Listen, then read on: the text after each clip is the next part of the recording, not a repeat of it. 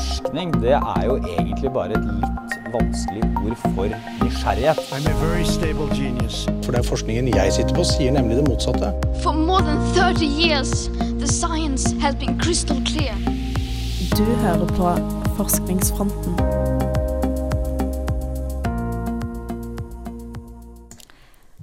God dag, alle sammen. Du hører på Studentradioen i Bergen på Forskningsfronten. I dag er det tirsdag den 18. februar, og klokka er tolv. Jeg er Susann, og jeg sitter her i studio sammen med min makker Hanne. Hei! Sammen så ønsker vi å formidle dagsaktuell forskning for deg. Men eh, Hanne, hvorfor er Forskningsfronten et viktig program?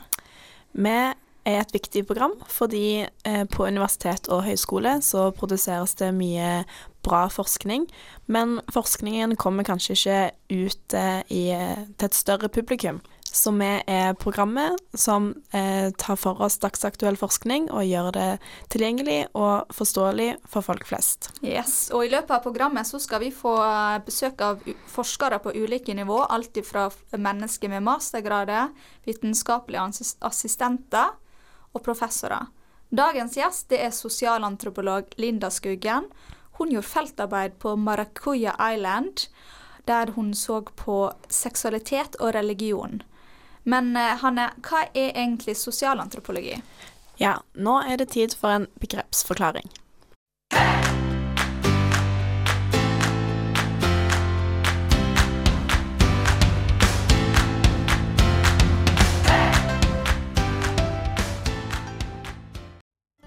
Sosialantropologi er et fag innen samfunnsvitenskapen som studerer de sosiale og kulturelle sidene ved menneskelige samfunn. Til forskjell fra f.eks. sosiologi baserer sosialantropologi seg i stor grad på feltarbeid og deltakende observasjon som forskningsmetode. På et feltarbeid er målet å samle inn informasjon ved å bo, jobbe, prate og leve som informantene.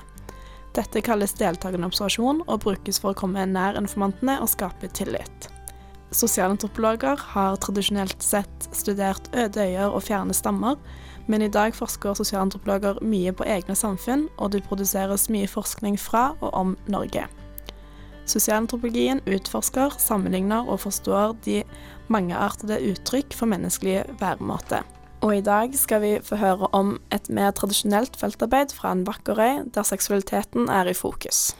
Det hørtes veldig bra ut, Hanne. Før vi skal eh, få besøk av Linda, så skal vi høre en sang.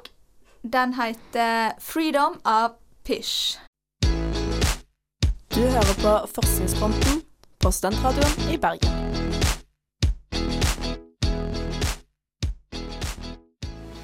Da skal vi ønske velkommen til dagens gjest, Linda Skuggen. Hei, hei. Hei, velkommen i studio til oss. Tusen takk. Før vi går videre for å fortelle om din forskning, så har jeg lyst til å eh, lære litt mer om deg.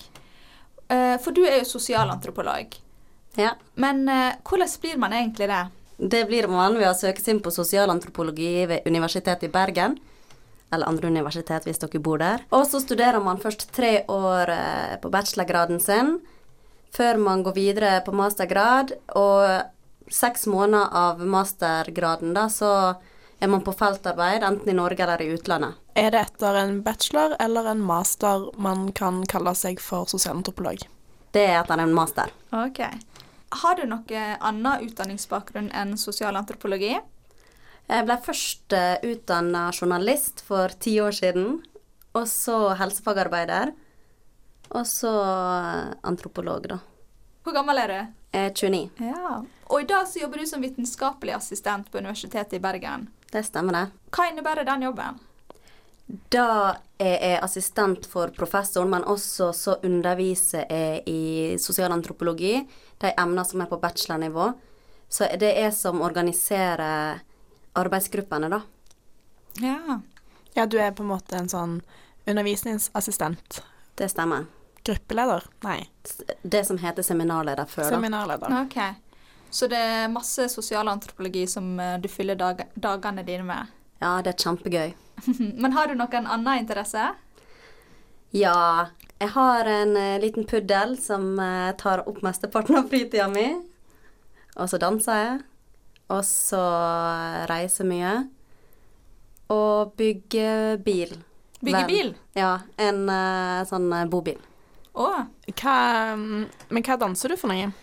Salsa. Jeg prøver i hvert fall. Ja. Prøver å danse salsa. Ja. Går det bra? Nei. Men eh, du var jo allerede litt inne på å snakke om hunden din. Hanne har jo sitt eget eh, forskningsprosjekt her. Og du skal få tre sekunder på å svare. Hva liker du best? Ja, det går ikke så bra med den eh, forskningen min, men eh, ja, som jeg nevnte i forrige episode, så har jeg jo en teori om at eh, høyt utdanna mennesker og akademikere foretrekker katter, sånn som meg sjøl. Men eh, Susann, du er jo uenig, du mener hun. Og nå mener Linda hun, og Carl i forrige episode mente hun. Så vi må invitere en katteperson Eller, til neste. eller revurdere din egen teori. Yeah. Hører på Forskningsfronten på Studentradioen i Bergen.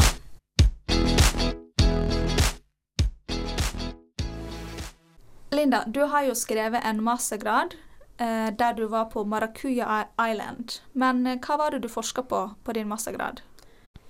Da forska jeg på, i begynnelsen i hvert fall, på kjønnsrolle. Fordi at eh, Maracuja Island er ei karibisk øy, men det tilhører Nicaragua, som er et latinamerikansk land. Så de har veldig eh, forskjellige verdisystem og forskjellige kjønnsnormer, så da var det veldig interessant for meg å eh, se på det, da. Spesielt blant ungdom, så var det en gruppe som jeg gjorde feltarbeid sammen med. Hvordan fikk du interessen for temaet, og hvordan valgte du det temaet? Jeg fikk interessen for temaet etter jeg har vært på utveksling, eh, som er en del av eh, bachelorprogrammet i sosialantropologi. Så kan man reise ett år på utveksling. Så da reiste jeg til Nicaragua eh, og var der i et halvt år. Så reiste jeg til denne øya, da, Maracuya Island, som jeg har valgt å kalle den, og så at livet var helt forskjellig derfra som det var på, i Innlandet, da. Eh, og at folk var mer eh, friere seksuelt enn jeg har sett i Leon, der jeg studerte. Ja. Men du, du sa nå at du har valgt å kalle øya Mayakoa Island, eh, så det vil si du anonymiserer. Vil du si noe mer om hvorfor du har valgt å anonymisere øya? Ja, det er fordi at jeg har eh, studert ungdom, og temaet mitt er seksualitet, så det blir jo ei veldig sårbar gruppe. De er under 18 år. Eh, så det er viktig for meg å opprettholde deres eh, Så det er viktig at de er anonyme, så for det første, hvis de vil lese masteroppgaven med en gang, så skal ikke de kunne vite hvem som har sagt hva. Møtte du på noen utfordringer når du var på feltarbeid? Ja, faktisk. Jeg møtte på en veldig stor utfordring, og det var at det ble politisk opprør i Nicaragua eh, da jeg var der i fjor. Eh, og opprøret det førte til øya som jeg var på, ble kutta av fra omverdenen, da, så de stoppa all trafikk dit. Eh, og all mattilførsel og alkoholtilførsel. Og det er ganske, ganske kritisk for eh, øyboerne på Maracuya Island å ikke få tak i alkohol eller mat eller gass til å lage mat. Men hva, var du nødt til å dra, eller hva, hva utfordring var det for deg? Jeg burde jo kanskje dratt før, da, men jeg, jeg venta så lenge til at eh, det var sånn OK, nå må du dra, ellers så kommer du faktisk ikke hjem. Så når vi, eh, når vi dro, da Jeg hadde med meg samboeren min på feltarbeid. eh, Da hørte vi eksplosjoner og skudd fra hotellet vi lå på, da. Oi. Men det var på fastlandet? Det var, på fastlandet. På øya så var det egentlig stille og rolig. Folk var veldig, veldig tørste. Og Etter alkohol. Ok. Rom. eh, og øl, da. Eh, og, men det var stille og rolig, for de var redde, da. Det var selvfølgelig familiene deres bodde på fastlandet, og de fleste drar dit og studerer. Og når det var studenter som var på en måte i opprøret, så de var veldig redde for barna sine, tantebarna sine, onkelungene, sant. Mm, Mm. forståelig. Men det var bra du kom deg hjem. Ja. Og når du kom til den øya, så skulle jo du bli kjent med lokalbefolkninga der. Det er jo en stor utfordring eh, å få innpass eh, når du skal samle inn data. Eh, var det noen spesiell måte eller en strategi du hadde for å bli kjent med folk? Jeg tenkte jo at det var bare å gå og snakke med folk, men eh, den respekten man skal eh, få da, den var ikke bare og bare. eh, å finne fram til. Det tok et par måneder faktisk før de ikke kalte meg white girl lenger, som betyr hvit jente. Det var liksom navnet mitt i flere måneder. Og det som gjorde at jeg fikk innpass, det var å kjøpe med noen slippers, falske Nike-slippers, som var for øvrig tre nummer for stor. eh, for det var den minste størrelsen jeg hadde på den øya. Og så at jeg klarte å sparke ballen i kickball riktig. At jeg liksom fikk mål, eller hva det er nå. Jeg har ikke lært meg helt reglene ennå, men ja. Så du måtte på en måte bli en del av eh, Eller få ta del av deres kunnskap da, før de så på deg som eh, en de stolte på? Ja. De sa, da jeg hadde fått med disse her slippersene, da, så sa de OK, nå er du en ekte islander. Hei. Og når den første gangen jeg klarte å sparke denne ballen skikkelig, da sa de ah, 'Good Linda'. Sånn, da var navnet mitt. Og jeg bare wow! ja. Men du nevnte jo òg eh, tidligere nå at du hadde med deg eh, samboeren din. Og du takka han jo òg i forordet for at han ble med deg. Eh, hvordan har han påvirka innpasset ditt? Han Jeg tror han har gjort det lettere for meg. Det er mange som tenker at det, hvis man har med seg samboere eller kjærester eller venner på feltarbeid, så vil man på en måte havne i en sånn liten sånn at man ikke kommer seg ut, f.eks., eller at man, man blir mer usikker og ikke blir kasta inn i det, da, sånn som mange andre som reiser alene blir. Men han, eh, han er så omgjengelig, og han ble kjent med, med alle som jeg har trengte å bli kjent med. og ja, han ga meg innsikt i nye ting som jeg ikke hadde fått tak i, da. Men du nevnte jo eh, White Gal, sa du, som var da ditt navn før jeg begynte å kalle deg Linda. Ja. Um, hvilket språk snakker de egentlig der? De snakker kreolsk og spansk og flere forskjellige lokale dialekter. Ja, men eh, kan du snakke litt kreolsk for oss? Ja, gjæl. Tell me what good. Veldig bra. Da har vi lært litt eh, hatt en liten introduksjon til forskninga til Linda. Vi skal ta en liten pause. Du hører på Forskningsfronten på Studentradioen i Bergen.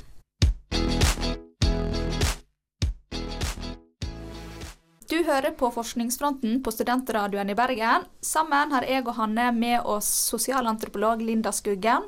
Hun har vært på feltarbeid på Maracuya Island. Og i dag er hun her for å snakke litt om forskninga som hun gjorde der. Du har jo nevnt allerede at du har sett på seksualitet. Men eh, kan du fortelle litt mer om seksualiteten på øya, og hvordan den viker fra andre karibiske øyer?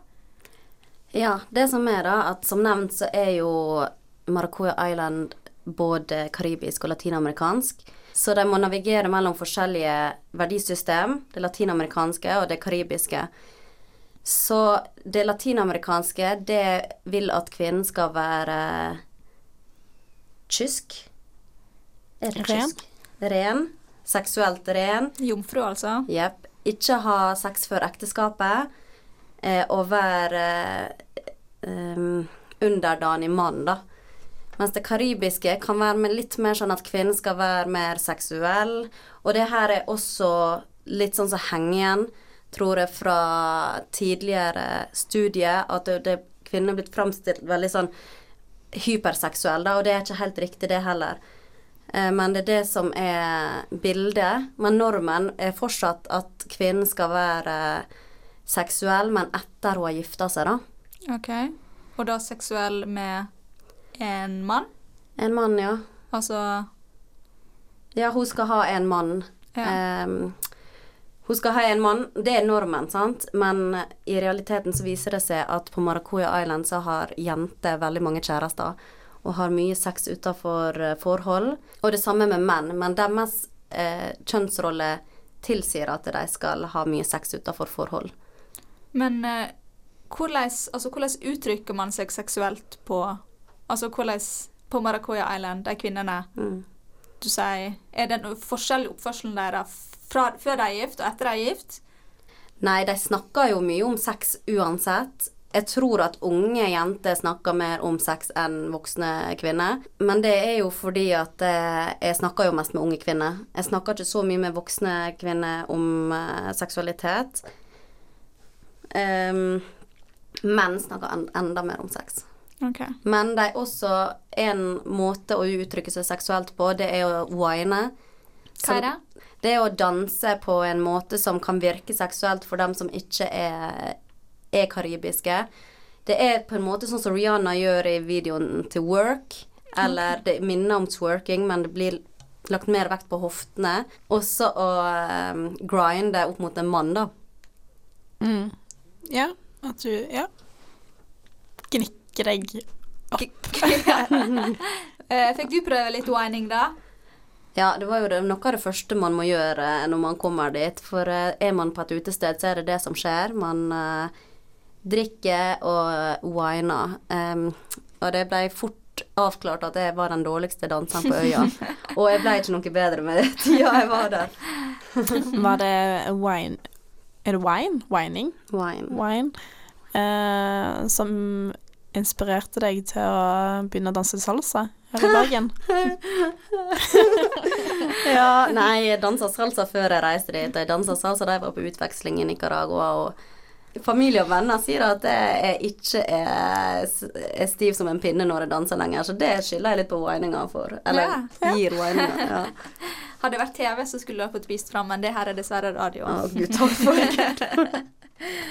Ok, men Du har fortalt at jentene går da ut på byen og de whiner. Eller både menn og kvinner går ut og whiner. Mm. Men det jeg skulle si, da, var at wining er ikke en seksuell dans i seg sjøl. Altså, det er en etablert dansform i Karibia. Det er veldig viktig for meg å, å si det, at det er like vanlig som å danse eh, vals. Wining, da, er bare seksuelt eh, lada på lørdagskveldene, for de winer hele tida. Altså, femåringer winer, gamle bestemødre winer. Hele tida på stranda, når de er på fest, i bursdager. Altså hele tida. Mens eh, på kvelden, det er da det på en måte får en sånn seksuell eh, stemning, og, og man eh, flørter veldig samtidig, da. Okay. Mm. Så veldig forskjellig fra Norge, altså. Her har jeg eh, absolutt aldri sett min bestemor wine. Nei. Tror jeg aldri har sett min bestemor danse Nei. sånn Macarena en gang. Liksom. Men eh, du sa jo at eh, på kvelden på lørdagene så blir det en, en seksuell tone. Og det Ja. skjer kun på lørdagene, da? Det skjer ja, på fredager. Når, når de er ute og fester, da. Og det som er så spennende, det er at eh, kvinner skal jo være rene og ikke oppføre seg sånn. Men så gjør de det likevel, og har flere kjærester, sant. Så, eh, og menn skal eh, på en måte ha mange sexpartnere. Så derfor så går de litt imot eh, normene. Den moralen som er på øya. Den, eh, og den er jo veldig prega av at eh, øya er så religiøs. Så hva, hva er det som skjer på søndagene, da? Etter en eh, lørdagskveld med wining? På søndagene så er øya helt tom. Altså Du ser ikke at mennesker, for alle sitter inne i kirken. Det er 14 kirker på øya, og øya er Altså, jeg kan gå rundt øya på en time. Ja, altså da er de der, og, og som ofte så snakker de om hvor dumt det er å vise seksuell eh, oppførsel, og hvor dumt det er å drikke og ruse seg. Em, og at de ikke skal gjøre det igjen, da. Men har du en uh, Føler du at de Du mener det de sier i kirka, eller er det noe du tror de sier fordi det forventer de? Jeg tror de mener det, og at jeg forventer dem. Eh, Fordi at eh, man har jo Man gjør jo ting man ikke tenker er riktig her også, da. Altså, vi går jo imot våre egne Altså våre foreldre prekner hele tida. Mm. Eller Ja. Ja. Hele tida. Nei, OK. Men Vi føler ikke alltid vår, det som er forventa av oss. Vi gjør ikke det alltid, vi heller. Nei. Det, og dessuten så forandrer jo tidene seg. Så at de er At foreldregenerasjonen er veldig religiøse, og at eh, Men jeg tror at dette her har Jeg tror foreldre også gjorde sånn. Helt ærlig. Jeg tror det er mange historier. Så ja, det forventes ting av folk hele tida, og man klarer ikke helt å leve opp til det. Og sånn er det. Mm. Men du skriver jo i oppgaven din om eh, to skjønne eh, verdier som eh, rykte og respekt. Ja. Kan du eh, utdype det? Ja, det er jo det jeg har snakka om, om de her eh, mannlige og kvinnelige verdiene. For menn er veldig opptatt av å opprettholde et godt For å ha et godt rykte, så skal man ha sex med mange kvinner. Man skal ha mange barn med forskjellige kvinner. Og man skal også være en god far. Mens respekt, som er en kvinnelig verdi, det vil si å stelle huset sitt og ha en mann, ha en familie, og kun eh, Og kun være en familie Og kun være en familiemor, da, for den familien. Det hørtes ut som noen verdier som gikk imot hverandre hvis en mann skal ligge rundt og samtidig være en familiefar. Ja, verdiene går imot hverandre, og oppførselene går imot hverandre. Så i de fleste settinger i livet generelt, så, så følger både kvinner og menn disse her eh, levereglene, da, normene. Men i visse kontekster, som på byen på kvelden, og som på stranda eh, på kvelden, at verdien seksualitet er mer verdt enn verdien eh, respekt for Ja. kvinner. Og for menn så er jo det det samme uansett hele tida. Så de slipper å navigere akkurat de verdiene, da. Da skal vi ta en liten pause, og når vi kommer tilbake, så skal vi høre enda mer om hvordan det er å være mann på Maracoya Island. Du hører på Forskningsfronten på Studentradioen i Bergen.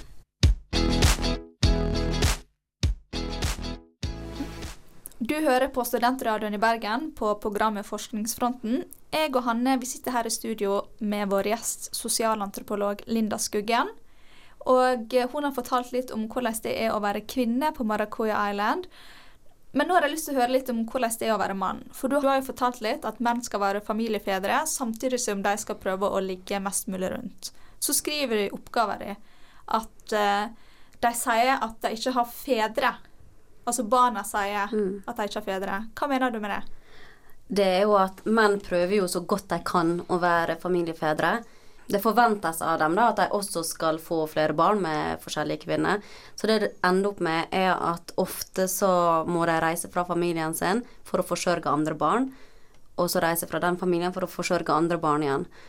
Så det barna at de ikke har noen far fordi at de er ute og forsørger noen andre. Det eh, kjernefamilieidealet blir sjeldent eh, opprettholdt på øya. Det stemmer. Og det kjernefamilieidealet er også veldig viktig for dem. Den katolske kirke har eh, i mange år i Nicaragua promotert kjernefamilien som den riktige familien. Eh, mens, mens de er jo protestantiske, mesteparten av de på Maracuya Island. Så, men det spiller egentlig ikke så stor rolle, fordi at hele deres eh, eh, regjering, som er veldig knytta til kirka, sier at kjernefamilien er det riktige. Så de er veldig opptatt av det også. Så har de eh, barna du har snakket med, har de et savn etter en far og en kjernefamilie? Ja, de har et veldig savn etter, eh, etter en far. Og også dem som er fedre, føler virkelig på at de ikke er der for barna sine. Så de hele tida må nødt til å forklare hvorfor, hvorfor de ikke er der, da. De føler et behov for det. Men sier de da 'jeg er ikke her fordi at jeg var utro med mammaen din, så nå må jeg gå og forsørge en annen familie'? Nei, de sier at 'jeg har ikke råd', som er jo for så vidt sant. De er jo fattige i forhold til vår uh, levestandard. Eh, men eh, det, det er sånn Jo, men jeg vet ikke hvorfor. Kanskje mora er sur på meg, sant. Og selvfølgelig er mora sur, for du har jo gått og blitt, Ja. eh, fått til flere unger, sant. Så for det meste er det at eh, mora ikke vil at de skal møte ungene, da. Men de vet jo, ja. Men er det noe kontroll, på en måte? Det må jo være veldig mange halvsøsken. Ja, det er sju-åtte etternavn som går igjen. Oi. Men det er jo fordi det var sju-åtte um, familier. Altså, Maracoya Island er jo bygd opp av koloniherrer som kom uh, og hadde med seg slavene sine. Og begynte å gifte seg med slavene sine etter hvert, når slavetida ble opphevet. Så det, ikke, så det er en annen historie rundt da, enn at alle har ligget rundt, så det er bare åtte etternavn. Ja. Ja, ok. Men uh, du hadde jo med deg din egen eh, kjæreste, André. Uh, hvordan opplevde han å være på øya? Han uh, koste seg, han. Han lå i ei hengekøye, drakk rom og cola, ble kjent med masse kule folk. Eh, og han åpna også mange dører i feltarbeidet mitt, og fikk meg til å forstå at seksualitet og sex, altså selve aktiviteten sex, eh, er så normal som f.eks. å spille fotball. Så okay. det var også det som gjorde at det eh, Som gjorde at jeg ble interessert i å studere seksualitet, da. Mm. Det som skjedde, var f.eks. at jeg var på en baseballkamp sammen med en eh, lokal kompis og en André, og så kommer denne baseballspilleren opp, springende opp, eh, sier hei, gir oss en klem og eh, sier navnet sitt og hva som skjer, og er det kjekt på baseballkamp, og så sier han men du kunne ikke tenke deg å ha sex i kveld? Til, Oi. til meg, da. Ja, til deg. Ja, til meg. Um, og så sier jeg som vanlig, fordi at det her spørsmålet har kommet opp så mange ganger, eh, at nei, jeg har med meg kjæresten min, eller forloveden min, da. Så eh, nei takk. Eh, så sier han ja, ja, men det går fint, altså du kan prøve en eller to eller tre ganger, så ser vi hvordan det går, og hvis det er dårlig, så bare blir du sammen med kjæresten din igjen.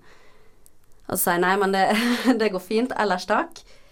Eh, og så sa han ja, ja, men greit, jeg må fortsette å spille. Eh, så gir han en sånn fistbump til kompisen og til han André, kjæresten min, og så gir han meg en klem, og så stikker han igjen. Ja, så André sto ved siden av deg mens du fikk det spørsmålet. Ja da, han eh, André bare lo. Eh, for dette der Ja, men han eh, Altså, det der eh, Det var så vanlig, sant. Det skjedde Ja. hele tida.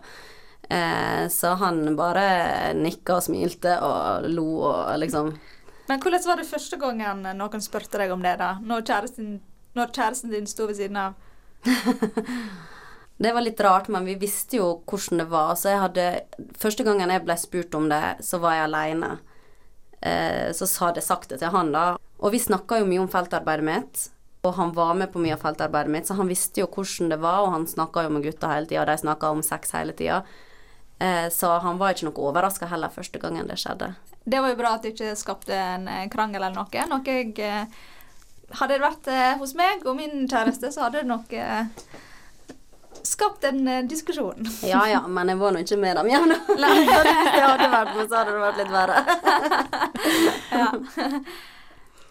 Men han ble jo aldri spurt, og det var veldig interessant at kvinner For jeg tror ikke de, de var så opptatt av sin verdi og vise at de hadde respekt, eller at de ville få respekt. Så han ble aldri spurt om det, selv om at de, de flørta med han og, og sånn, så var det aldri det direkte seksuelle tilnærminger, da. Nei. Men du har jo sagt at menn får et godt rykte av å ligge med mange.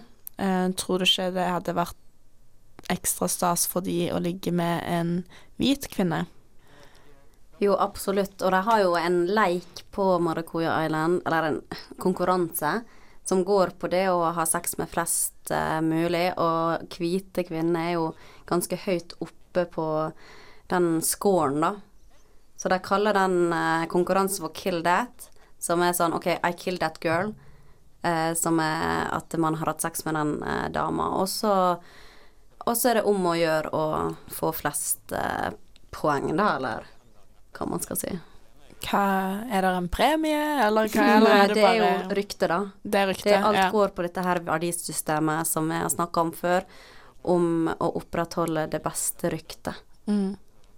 Ja. Men blir det skrevet ned noe? Altså, blir det skrevet Altså Jeg regner Nei.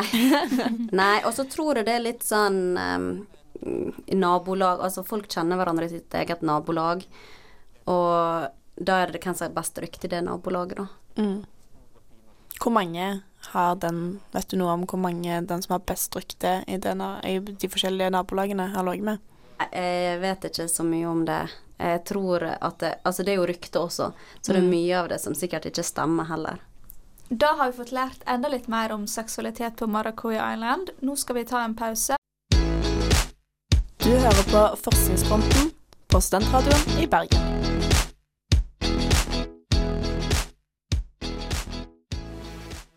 Du hører på Studentradioen i Bergen på Forskningsfronten. Sammen har jeg og Hanne besøk av sosialantropolog Linda Skuggen.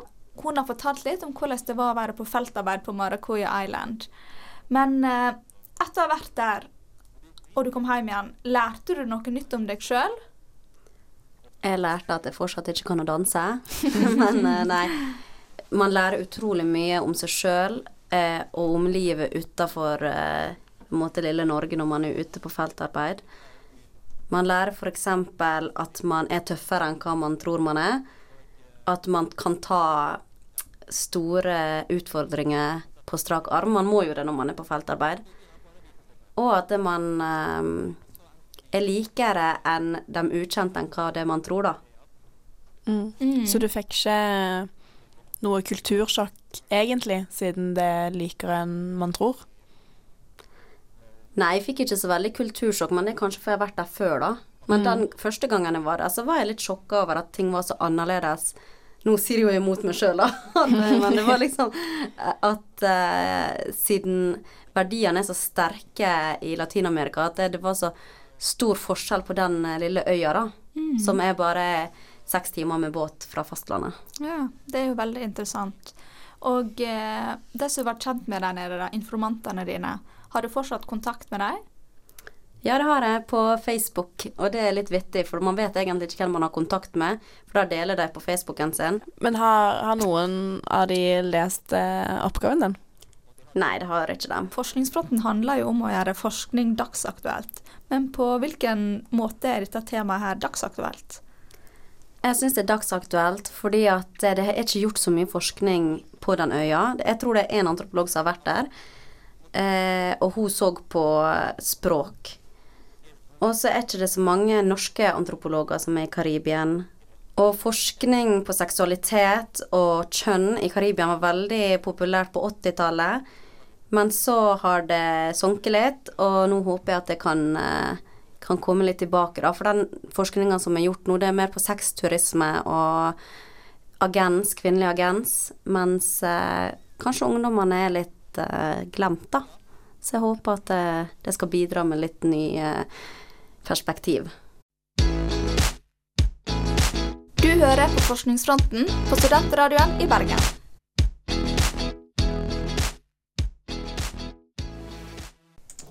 Du hører fortsatt på Forskningsfronten på Studentradio Bergen. Jeg sitter fortsatt med min makker Hanne og dagens gjest, sosialantropolog Linda Skuggen. Da er det faktisk din tur, Linda, til å stille spørsmålet her i studio og finne ut av kunnskapsnivået til meg og Hanne. Så dette her er eksamen. På Maracuya Island er kallenavn veldig viktig for menn for å eh, etablere et rykte fra de er ganske unge. Forloveden min fikk et kallenavn som er Crab. Hvorfor tror dere det? Oi. Crab. Crab. Uh, lå han masse på stranda i sanden? Nei. Nei? OK, Hanne, hva tror du? Ehm, kanskje han uh, uh, har fanga deg i en krabbeteine. Nei. Han um, skulle stå og hente mer rom og cola fra en nabo. Og så gikk han i veldig høyt gress, og så begynte han plutselig å skrike, for han trodde det var slanger som sprang rundt føttene hans. på siden. For han trodde det var slanger som eh, var rundt føttene hans, mens det var krabbe. Og fra da av så heter han Crab. Mr. Crab. Mr. Crab. Feil på begge av oss, da. Ja, men hvorfor er kallenavn viktig? Eller Det er veldig viktig fordi at eh, det sier noe om hvem du er. For identiteten. Fordi at eh, fra de er sånn 13-14 år, så heter de ikke lenger f.eks. John eller Peter. Da heter de Aros, som er ris, eller eh, f.eks. Snail. Hva kaller navnene Ris og Snail står for, da? Ja, ris kan være fordi at eh, for eksempel en gang så var det en, en som fikk ei bøtte ris over seg. Snail Det var en kompis av meg som heter Snail, og han sa at det var i hvert fall ikke for han var treig i senga. Men, eh, men han ville ikke fortelle hvorfor det egentlig var, da. Men det er ofte Du får ofte kallenavn ut ifra ting som har skjedd, eller ting du har gjort. Ja. OK, har du et nytt spørsmål? ja. Hva aktivitet måtte jeg gjøre for å bli tatt inn i varmen av ungdommene på skolen der jeg gjorde feltarbeid? Jeg håper du måtte gnikke og danse. For å få Eh. respekt. Ja, noe sånn. Eller eh, å ha offentlig samleie. With Nei. Mr. Crab. Nei. Jeg måtte nødt å sparke ballen i kickball helt riktig. Da fikk jeg endelig litt respekt. Ja, for du, du har òg nevnt eh, baseball. Ja. Så er de opptatt av eh, sport. Ja, de er veldig opptatt av sport, spesielt baseball, og det er en eh, baseballspiller som faktisk spiller i USA, i liksom Jeg kan så lite om baseball, men i liksom toppligaen, da. Ja. Ja, så de er veldig Ja, og det er de veldig stolt av. Og så har jeg et siste spørsmål, og det er hvordan tror dere folk tjener mest penger på Maracuya Island? Eh, De selger brennevin. Mm, jeg tror de driver med fiske. Yes, jeg driver med fiske. Men ofte, ja, ofte så finner de også det som heter white lobster i havet, som er kokain som kommer fra Colombia og på vei opp til eh, ja, Nord-Amerika. Og det tjener de veldig mye penger på. Hva du mener med at de finner i havet? Fordi at når, eh, når eh, kystvakta kommer, så hiver ofte de her drug mulesa ut kokain ut i havet og bare Oi. stikker derfra. Fant du det? Jeg fant ikke det. Nei. Nei. Da var det deg, Hanne, som eh, vant eh, dagens quiz. Thank you. Du hører på Forskningsfronten på Studentradioen i Bergen.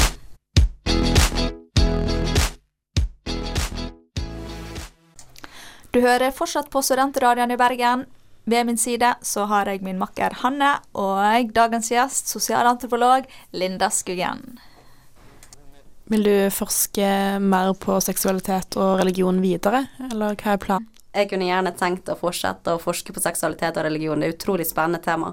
På Mayakoya Island eller et annet sted? På Maracuja Island, eller i Karibien i hvert fall. Og er det noe du savner med livet på øya, da?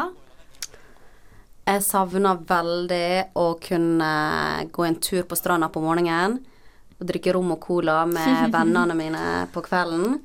Og så savner jeg spesielt alle hundene som er adopterte på den øya. Adopterte? Ja, jeg hadde ganske mange hunder som jeg etter hvert begynte å følge etter med. Og, ja, Ja. som jeg tok vare på, da. Og det var det verste med å forlate øya. ja. Er det noe du tenker at uh, vi i Norge kan lære av Mayakoya Island? Ja, det å slippe seg litt løs, være litt mer modig, eh, kunne snakke mer om seksualitet. Det syns jeg var utrolig eh, bra, selv om vi har blitt flinke å snakke om seksualitet vi også, men ikke på den måten som, som det blir der, da. Bevege oss mer og ikke være så redde. Ikke ta så mange forholdsregler på alt mulig. Nå har jo vi snakka en del om sex og seksualitet. Eh, Det kan jo nesten virke som eh, det er bare det de gjør på der nede. Kan eh, du bekrefte eller avkrefte det? Ja, jeg kan avkrefte det, altså. Det er For det første så har jeg gjort feltarbeid med en liten del av befolkninga, altså ungdom og unge voksne. Eh, og så har jeg bare sett på en bitte liten del av det sosiale livet. Så dagene er fylt med andre ting enn å prate om sex. Det er både skole og Ja, andre hverdagsaktiviteter. Ja, de spiller fotball og baseball, og de koser seg, og de går i kirka veldig mye, og lager god mat, og er ute og fisker. Da føler i hvert fall jeg at jeg har lært en del om seksualitet på Maracoya Island. Uh, og vil takke deg for at du kom her til studio i dag. Hvis du har lyst til å lære mer om forskningen til Linda, så ligger oppgaver hennes ute på bordet på internett. Og vi er tilbake neste tirsdag. Ha en fin uke.